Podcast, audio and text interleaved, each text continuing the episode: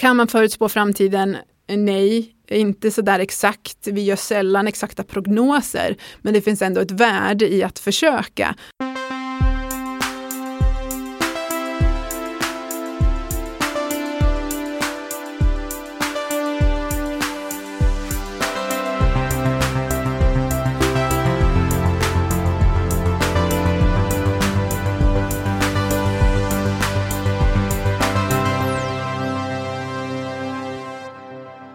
Hej, hej, hej, hej, hej. Det här var Christian von Essen igen med eh, podcasten Heja Framtiden. En av världens absolut minsta poddar. Men kanske en av de viktigaste. Vem vet? Idag ska vi prata med eh, Katarina Stetler som är innovationschef på Kairos Future. Omvärldsbevakningsföretaget, eh, ni vet. Hon jobbar med innovationsledning och innovationsstrategier. Och har en del vettiga saker att säga om eh, hur vi kan bli bättre på att eh, skapa processer för innovation i organisationer. För att utveckla kreativitet och innovation är ju eh, ett sätt att lösa problem. Inte bara produktrelaterade problem utan det kan ju vara klimatrelaterade problem också om man vill. Som gör att vi får en bättre framtid. Eller hur? Jag vill passa på att tacka Veckans Affärer för att de finns och stöttar Heja Framtiden med ett ett skick varje vecka. Alla Heja Framtiden-relaterade artiklar eh, kan ni hitta på va.se poddar. Tack snälla VA. Warp Institute driver Facebookgruppen Sveriges mest optimistiska Facebookgrupp som nu eh, nyligen nådde 5000 medlemmar. Vilket är mycket glädjande eftersom jag är med och bidrar innehåll där.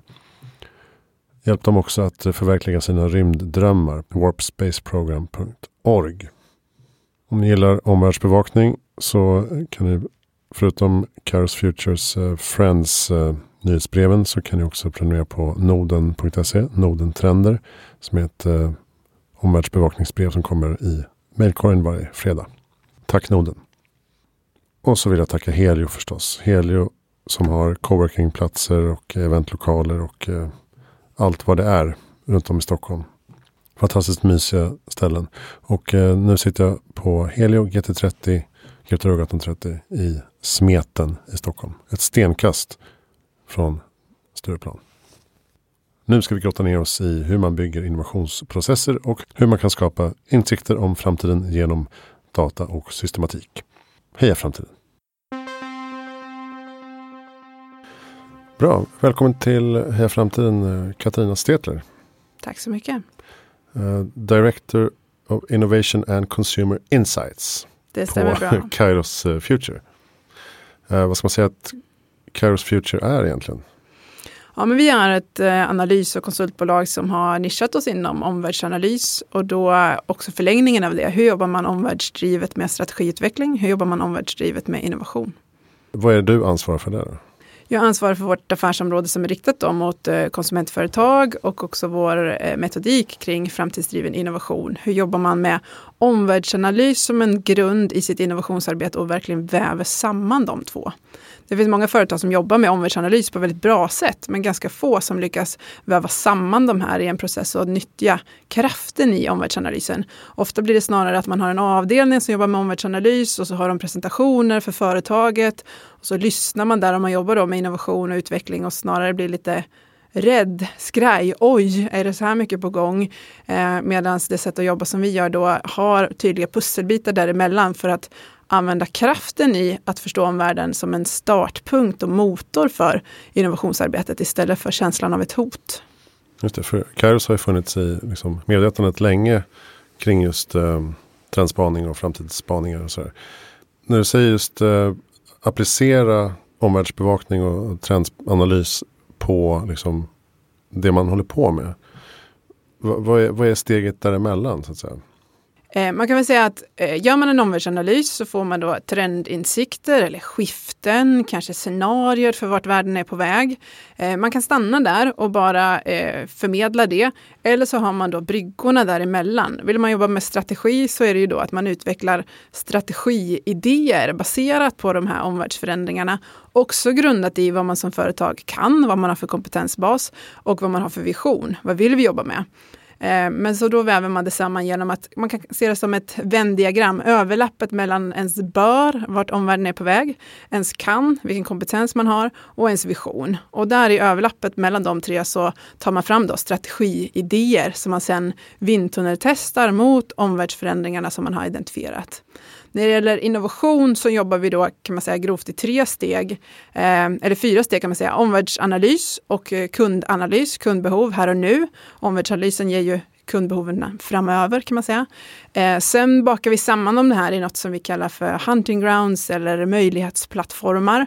I den här typen av hunting grounds så väver man samman då omvärldsinsikter med kundinsikter och företagets egna vision eller ambition och formulerar eh, kreativa startpunkter kan man kalla det. Så att ett sätt att berätta en historia om de här områdena där det stora möjligheter finns framöver, som när man sen förmedlar dem till organisationen blir eh, sporrar till idéer, sporrar till kreativitet, snarare att bli så här, AI kommer, robotiseringen kommer ta våra jobb.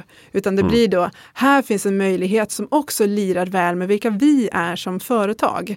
Eh, och det är den stora skillnaden. Och det är mycket av ett hantverk och eh, historieberättande att formulera de här hunting grounds. Just det, så att man förstår vad det här, hur det här påverkar mig och min affär. Precis, och också inte bara då hur det påverkar mig, vilket eh, ofta Nej, underförstått tolkas som då? någonting negativt, ja. utan också vilka möjligheter öppnar det här upp som ligger i linje med vilka vi vill vara och vad vi redan kan. Hur ser fortsättningen ut där för oss? Just det. Du är doktor i innovationsledning. Mm, det stämmer. hur kommer det sig att, eh, hur blir man det? så att säga? Ja, hur blir man det? Rent tekniskt så är jag faktiskt doktor i maskinkonstruktion, men det är mer rättvisande att säga att jag är doktor i innovationsledning. Jag är ingenjör i botten och eh, efter min examen så började jag jobba på Scania och jobbade med produktutveckling en period där. Och sen fick jag då möjligheten att eh, forska på Scanias verksamhet och eh, sökte mig tillbaka då till där jag hade tagit min examen från KTH. Eh, som är, eh, säga, min inriktning där var eh, design och produktframtagning heter programmet. Så det handlar om ledning av innovation och produktutveckling mycket. Eh, och det blev också mitt forskningsområde då. Mer specifikt så handlade det om att Scania under den här perioden hade tagit in eh, chefen från produktion som hade jobbat mycket med lean-omställningen där till att bli chef för forskning och utveckling och att då göra en resa också med tjänstesidan med forskning och utvecklingssidan. Att man skulle jobba mera lean. Och eh, från mitt perspektiv så blev ju där jätteintressant då. Jag började forska på innovation, hade inte riktigt hittat mitt fokus ännu. Och så gör då Scania själva kan man säga den här intervention, någon typ av förändring man gör i organisationen. Så det jag gjorde var att över två års tid följa då, hur påverkar det här innovationsförmågan i forskning och utvecklingsorganisationen. Ja, och till slut när man har tänkt och skrivit och läst och pratat tillräckligt mycket om ett ämne så får man lägga fram det och bli doktor. Just det. Men, men du hittade också någon slags eh, skavande punkt där mellan lean och innovation? Ja, det, det, finns det absolut. dels så finns det i praktiken en hel del skavande punkter. Teoretiskt så behöver det inte finnas så mycket motsättningar. Det finns någonting i att lean ändå kräver viss förutsägbarhet för att man ska få riktigt bra utväxling på det. Och förutsägbarhet lirar ju ganska illa då med innovation. Men i praktiken så finns det också mycket, mycket som skaver då. Att Jo, men du kan tänka dig att du har anställda som jobbar med lean, väldigt streamlinade processer, bort med slöseri av alla typer, eh, fyra dagar i veckan. Och sen den femte dagen eller kanske en halv dag, eller som ni pratade om här i intervjun med Leif Denti, 7 procent. Mm. Eh, de övriga 93 så är man streamlinad, man effektiviserar, man tar bort slöseri. Men de här 7 procenten ska då en annan logik gälla. Och teoretiskt så går det ihop, men i praktiken så är det övermänskligt och kanske naivt att be att man ska klara av den omställningen vecka till vecka. Och du menar rent personligt? Så att säga. Eh, ja, personligt. Att, att den här 7 procenten då, eller vad man nu mm. väljer, så ska en annan logik go gälla. Wild, liksom. Ja, då ska man go wild. Då är, då har slöseri en annan logik. Slöseri existerar inte på samma sätt när det gäller innovation som det gör i en förutsägbar process. I en förutsägbar process så vet du vart du ska och hur du ska ta dig dit. Och det gör man i mångt och mycket också inom forskning och utveckling. Det finns jättemycket förutsägbart arbete där. Även om det har något mer större varians och osäkerhet än en produktionsprocess.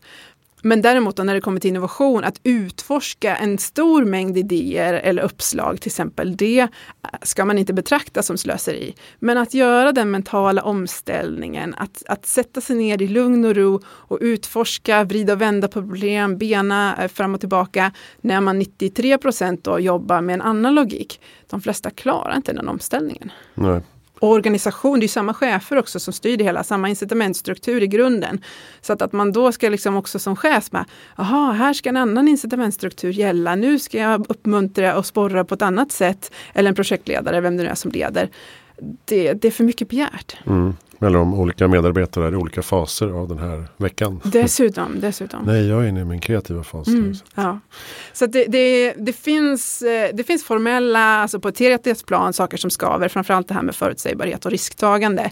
Men det finns framför allt i praktiken mycket mer som skaver. Att det är svårt. Det ställer oerhört stora krav på medarbetarna och cheferna att lyckas leda det här arbetet. Mm. Kanske ska definiera lean också. Det är väl en managementfilosofi kan man säga. Som syftar till att effektivisera processer.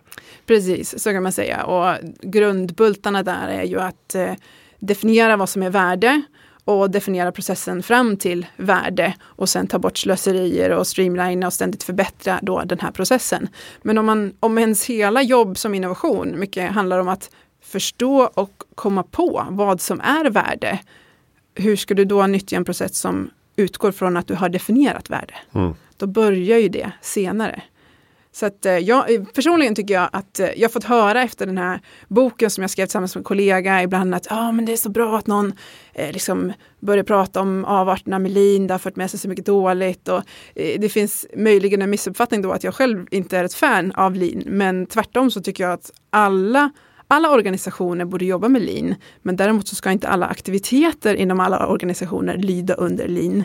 Det är inte alls bästa sättet att nå fram till många grejer. Men i varje organisation så finns det aktiviteter och processer som stämmer väl in med de förutsättningar som ska vara på plats för att lean ska passa.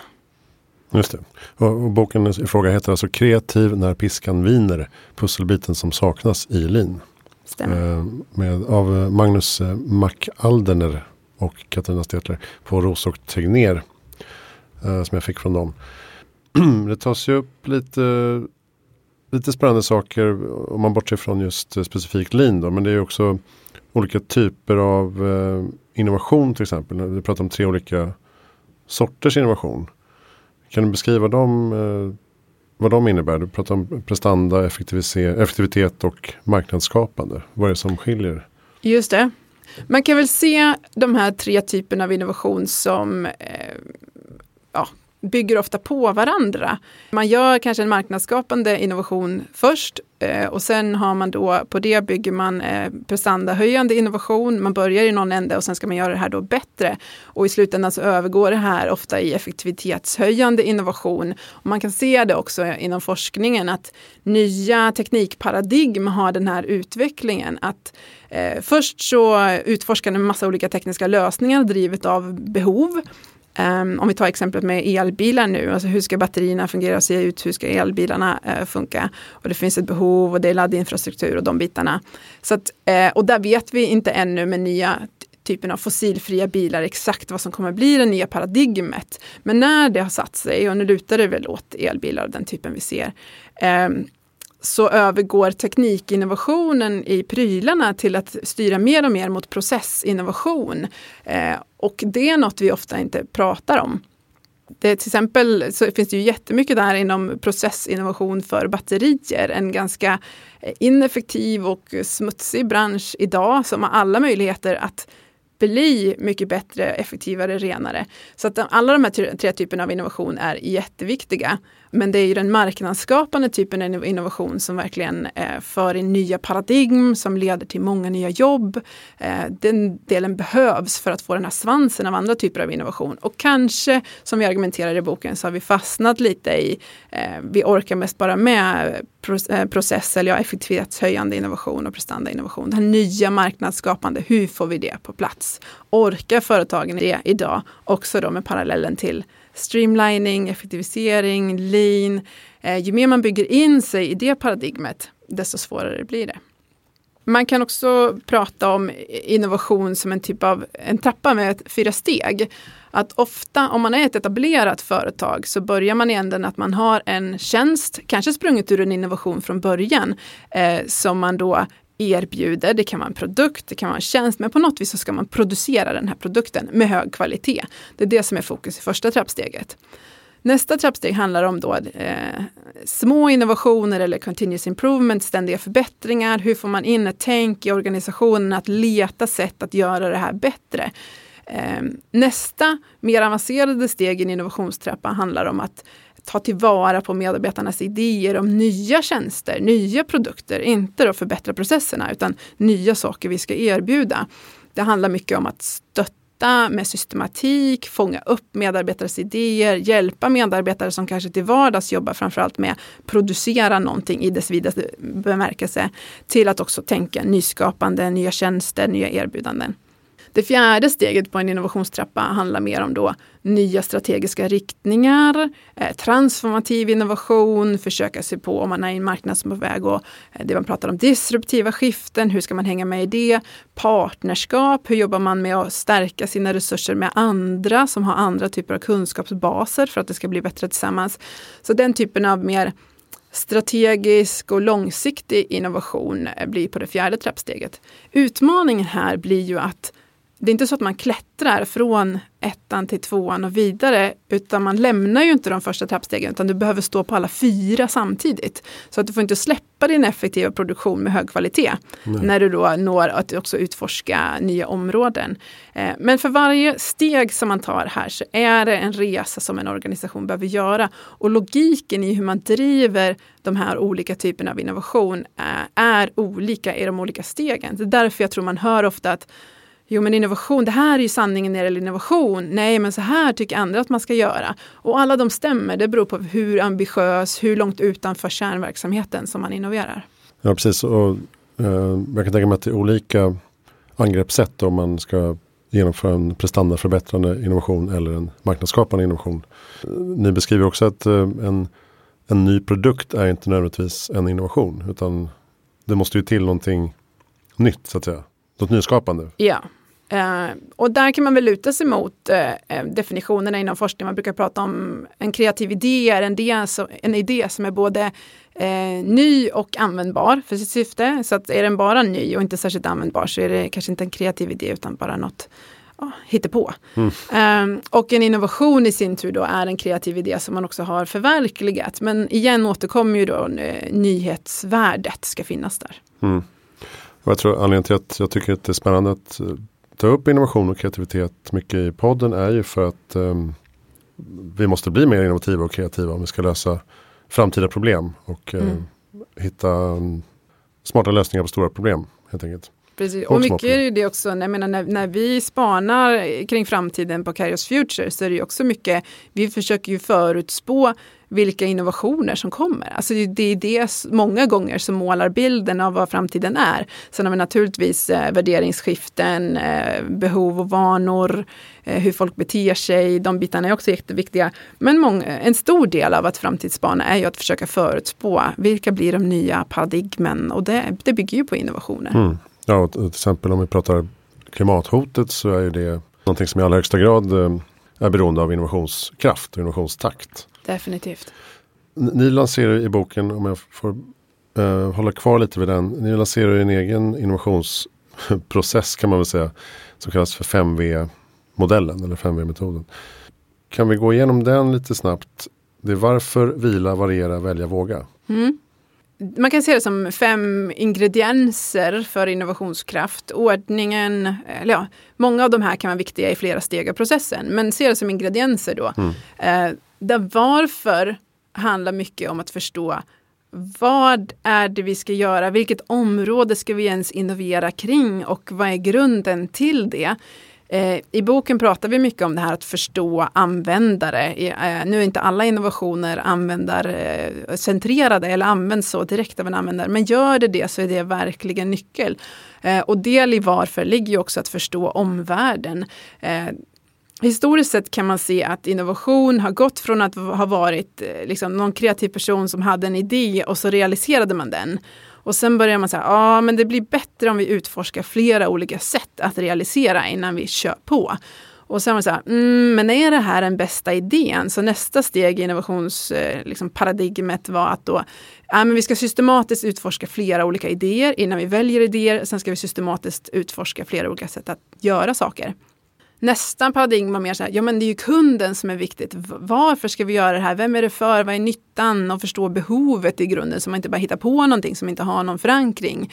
Eh, och nu är man mer inne på, ja men omvärlden då. För börjar man i ett kundbehov så innoverar man ju för att åtgärda något som är idag. Eller igår. Eller ja. igår. Medans, och det kan ju fortfarande stämma många år framöver. Men man har ju större chans att få en innovation som är bärkraftig in i framtiden om man också gör sin omvärldsanalys. Vart är de här behoven och begären hos eh, användare på väg? Vilka trender råder där hos konsumenter? Men också vilka tekniska möjligheter öppnar upp sig så att man, har, man slänger fram ett ankare in i framtiden kan man säga. Och i varför så gör man ju både det här att man kollar då eh, vart är världen på väg i form av trender, värderingar, möjligheter som öppnar upp sig? Vilka behov finns idag och hur ser kundgrupperna ut? Och, så att startpunkten egentligen för innovation. Mm. Och där kommer, kommer ni in med empati som ett begrepp också som jag tycker är spännande. Precis, eh, och det handlar mycket om vad ska man säga, det finns behov som är mer basala behov, men sen finns det också behov och, vad säga, behov och begär eller emotionella behov. Att eh, empati handlar om att lite mer krypa under huden på användare, att förstå vad är det de verkligen säger och menar när de pratar om ett behov. Eh, så det empatiska arbetssättet som är väldigt starkt inom design thinking vill jag gärna slå ett slag för att kolla vidare på. Det är många som har en ganska, vad ska man säga, eh, kylig bild eller teknokratisk bild på mm. vad ett, en startpunkt för innovation ska vara. Men riktigt bra produkter tar hänsyn till den empatiska dimensionen också i mycket större utsträckning. Mm. Och sen eh, som andra punkt kommer ju vila. Vilket jag också tycker är intressant. Ja, och det är ju verkligen något som man bör väva in i, i processer överlag eh, att, och vi gör alldeles för lite av. Och det handlar ju mycket om reflektion. Att eh, se till att tankarna hinner sortera sig, se till att det kan löpa lite tid mellan att man har gjort en ordentlig duvning. Det här området ska vi innovera kring. Låta det gå lite inkubationstid, saker och ting sätter sig. Men framför allt att aktivt reflektera, att se till att man gör det jobbet. Eh, jag fick höra av en av mina tidigare mm, eh, kollegor på Scania, han var chef på ja, mellanhög nivå. Han hade 35 stående möten i veckan. Mm. Jag vill påstå att man inte hinner reflektera, man inte hinner med en vila, om man inte gör det väldigt aktivt på sin fritid då. Men, och det kan jag tycka är tråkigt också, eh, att vi märker med många kunder som vi jobbar med att när vi sätter oss och diskuterar en fråga på ett analysmöte med dem i fyra timmar, det är år sedan de gjorde det sist kanske aldrig har de vridit och vänt på en fråga på det viset. Men jag skulle påstå att det är nyckeln för att skapa någonting riktigt. Eh, se på saker med nya ögon, hitta nya perspektiv, merge, alltså smälta samman flera olika perspektiv. Du behöver sitta i timvis, du behöver göra det systematiskt och du behöver lämna plats då till reflektion och vilan. För att mm. lyckas med det. Men hur, kan, hur kan denna reflektion och vila se ut då? Är det som man, som man själv känner det? Liksom? Eller ska man planera in det också? Menar Ja, eh, man behöver helt klart planera in det och det är väl också ett sånt tecken på den nutid som vi lever i. Att om man inte planerar in det så, så blir det ingen plats. Eh, och man kan säga att det vore kanske bra om det fick komma av sig självt. Men igen är vi tillbaka till att för de flestas jobb så är det ganska naivt att tro att det ska finnas det utrymmet. Och eh, det finns alltid annat. Det är väldigt lätt att veta vad som pockar på. Eh, det är också så, I mitt forskningsområde handlade också mycket om den här paradoxen eh, mellan eh, de två hjärnhalvorna eller de två händerna. Eh, det långsiktiga och det kortsiktiga. Ja, som Leif Dente också är inne på. Det. Mm. Um, Ambidextra dilemmat. Ja, precis. Och, och, det är ett begrepp man har lånat då från att äh, vara ambidextrous, alltså kunna hantera höger och vänster hand eller höger och vänster fot lika bra. Och eh, för företag då så handlar det om att kunna hantera både lång och kort sikt, här och nu effektivitet med långsiktig innovation i en och samma organisation.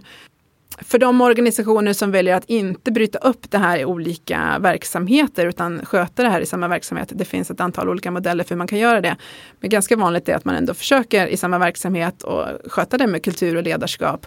Och eh, som sagt då, man kan önska att det då skulle räcka med kultur och ledarskap och att man säger men vi vill att du ska reflektera, det är viktigt. Det är naivt att tro att det ska vara på plats eh, och eh, jag skulle påstå att kreativitet, reflektion, det tål hårdare, grövre handskar än man tror, det vill säga boxa in det, sätt av tid, sätt på plats systematik. Det det inte klarar av, det är att man tror att det ska ske av sig själv. Eh, då blir det inte av alls. Även om i en perfekt värld kanske man skulle vilja ha lite mer där friande, associerande och eh, vila som inte är inboxad. Men i dagens arbetsliv har jag svårt att se det. Men sen kan man också få det på andra sätt. Eh, pendla i bilen hem, se till att du inte lyssnar på radion eller någon podcast. utan, förutom Heja Framtiden. Ja. Mm. utan sitt i en tyst bil och fundera över din dag. Eh, det är också ett sätt att eh, lämna plats för vila och reflektion. Mm. Ja, men det, det brukar jag faktiskt försöka tänka på själv. Så här. Nu ska jag bara gå i 20 minuter utan intryck i öronen. Liksom.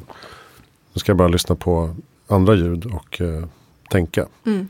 För det är det, ja, som du säger, man, man eh, glömmer bort att eh, man faktiskt måste tänka själv också ibland.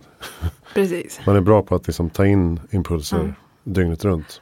Och det finns något verkligen som händer där när man systematiskt, och då kanske vi kommer in på nästa V som är variera då, mm. att eh, systematiskt variera, alltså det finns något som är att lämna reflektion själv, att hända av sig själv, men det finns också något där man kan eh, hjälpa det på traven, men där man då systematiskt vänder och vrider på perspektiven, kanske ritar upp olika modeller, det jobbar vi väldigt mycket med i våra projekt, att fånga eh, flera eh, trender, fånga idéer, fånga eh, samhälleliga ja, säga, system i någon typ av modell som beskriver det här och sen diskutera den modellen och då vänder ah, men det stämmer inte här, vi justerar.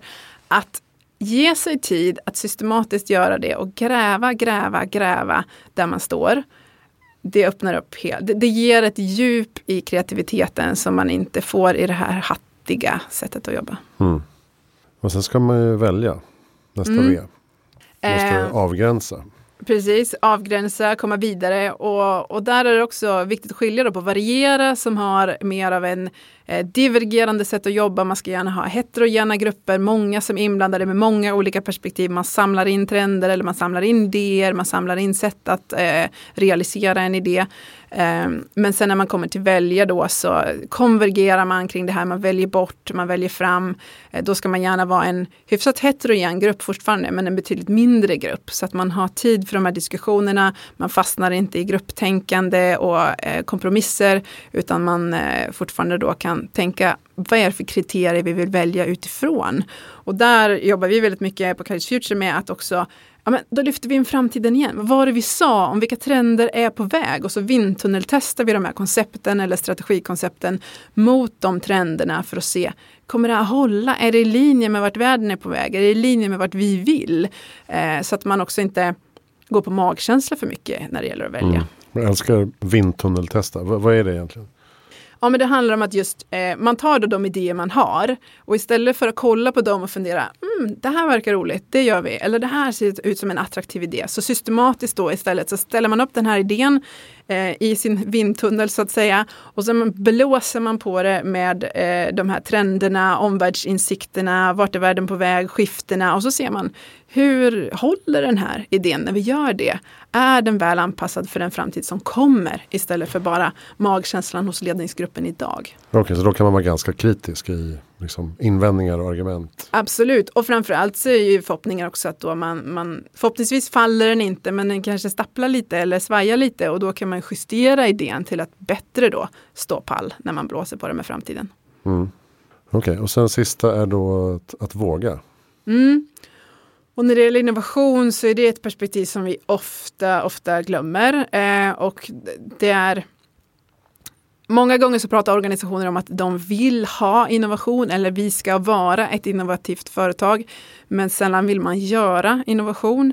Eh, och när det gäller att göra innovation så igen, det går i clinch med det som är vad jag skulle vilja påstå i de flesta organisationer, det rådande starka paradigmet eller de rådande starka sanningarna. De har, de har mer av en cementerande art.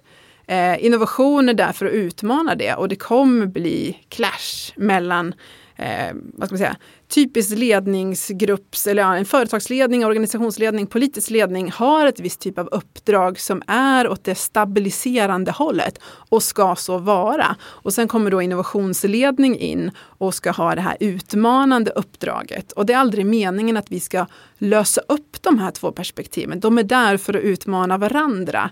Och eh, när det gäller våga då så märker vi om man inte är ganska modig, om man inte satsar sitt eget förtroendekapital, om man inte satsar pengar, om man inte satsar eh, säga, ja, socialt anseende internt i organisationen till och med kanske, så kommer det inte bli några innovationer av de här idéerna. Idéerna kommer existera men de kommer inte realiseras och därmed inte bli innovationer. Ingen idé, hur bra den än är, har realiserat sig själv. Det kräver någon som gör det.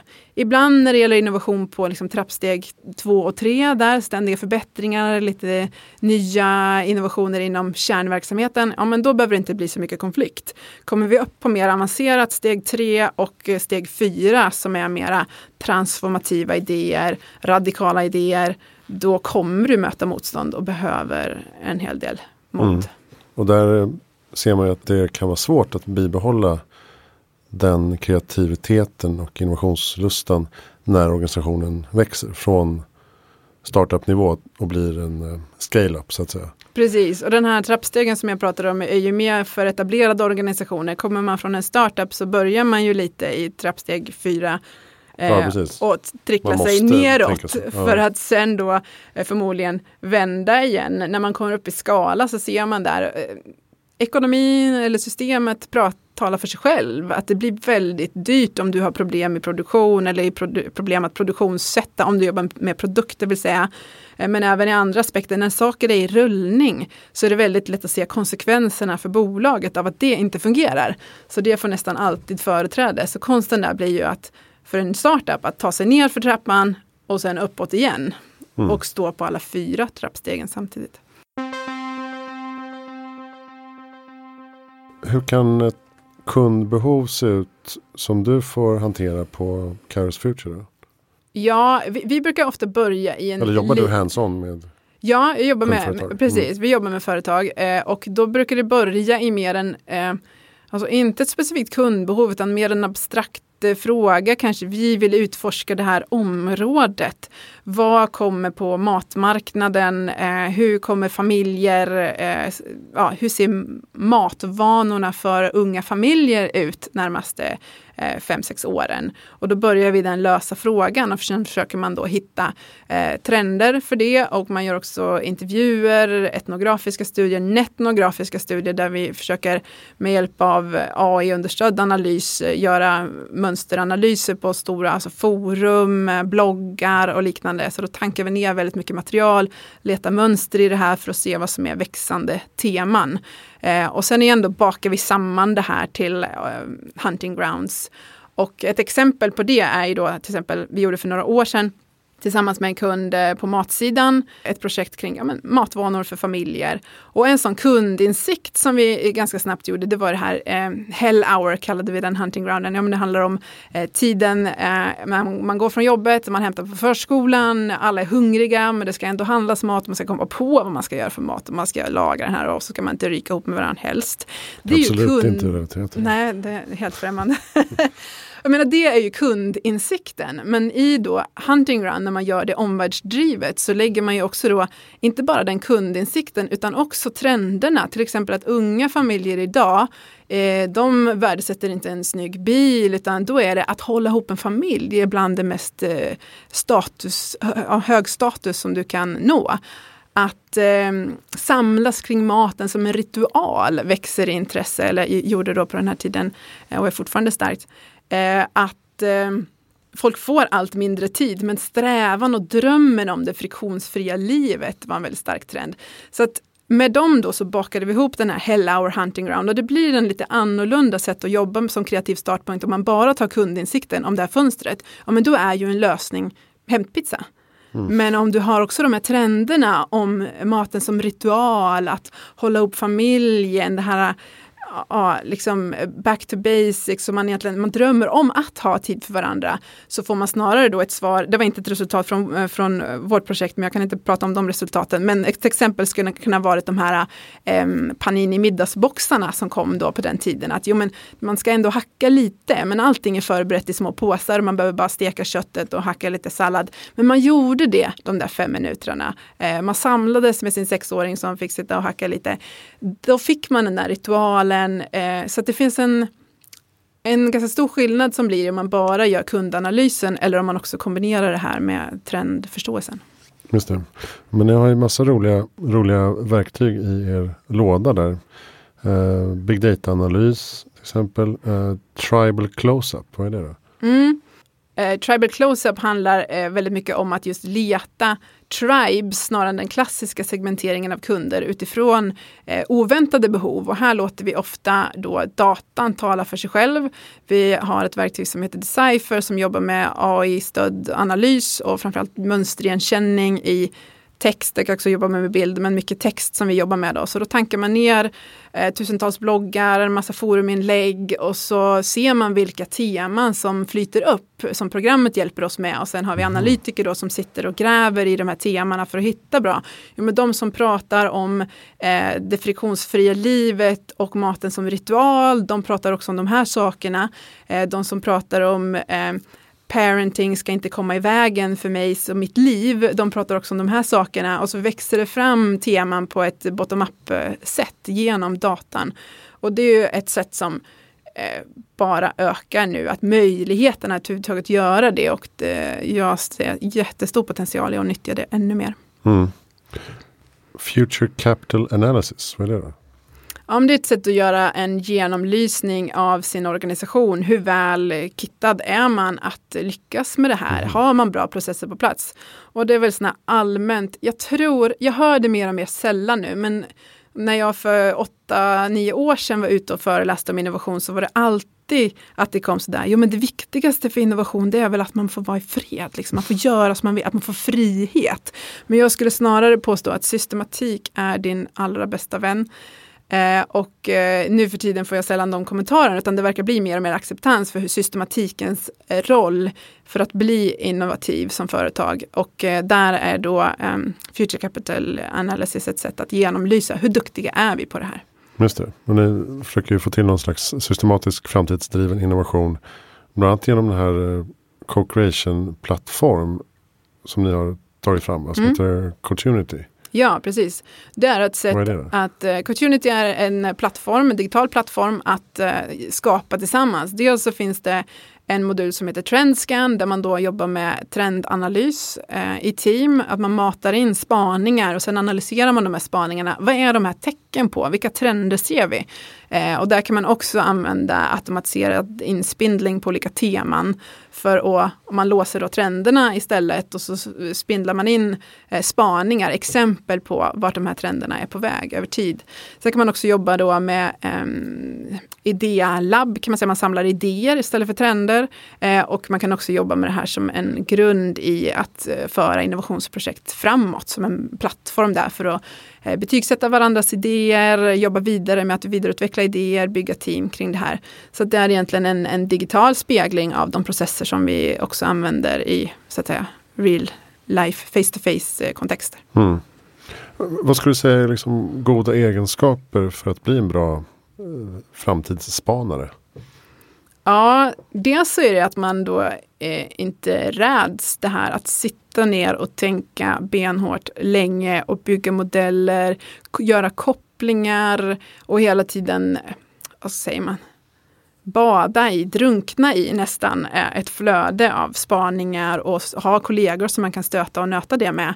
Eh, det som jag tycker är värdefullt att jobba eh, som vi gör då med många olika branscher på Kairos Future är ju att när det gäller omvärldsanalys jämfört med branschanalys så handlar det ju om att förstå omvärldens inverkan på din bransch. Eh, och då är det ju vettigt att ha gjort omvärldsanalys i många olika branscher. För mycket som är liksom kärntrender inom en viss bransch kanske är perifera trender i en annan men ändå kan få inverkan. Så att man kan korsbefrukta branscher emellan.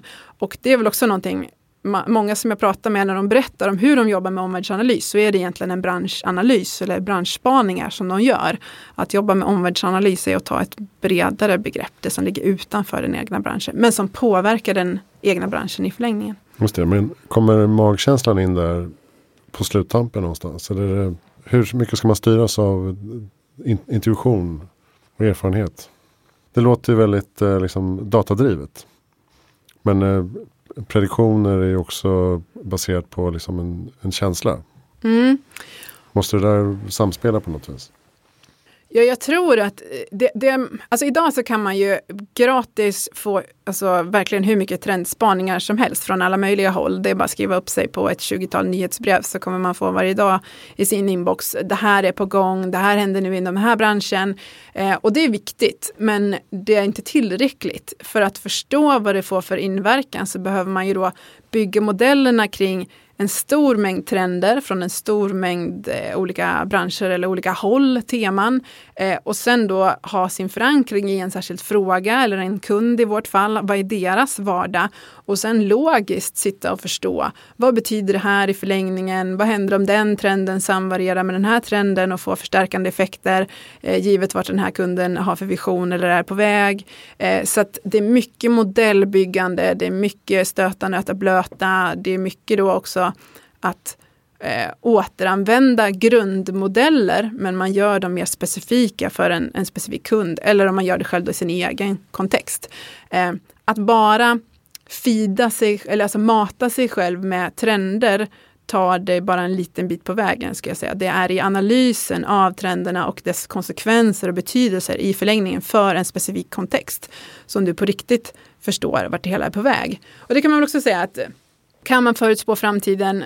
Nej, inte så där exakt. Vi gör sällan exakta prognoser, men det finns ändå ett värde i att försöka. Att det handlar mycket mer om att det är eh, som man ibland brukar kalla det, the art of strategic conversation.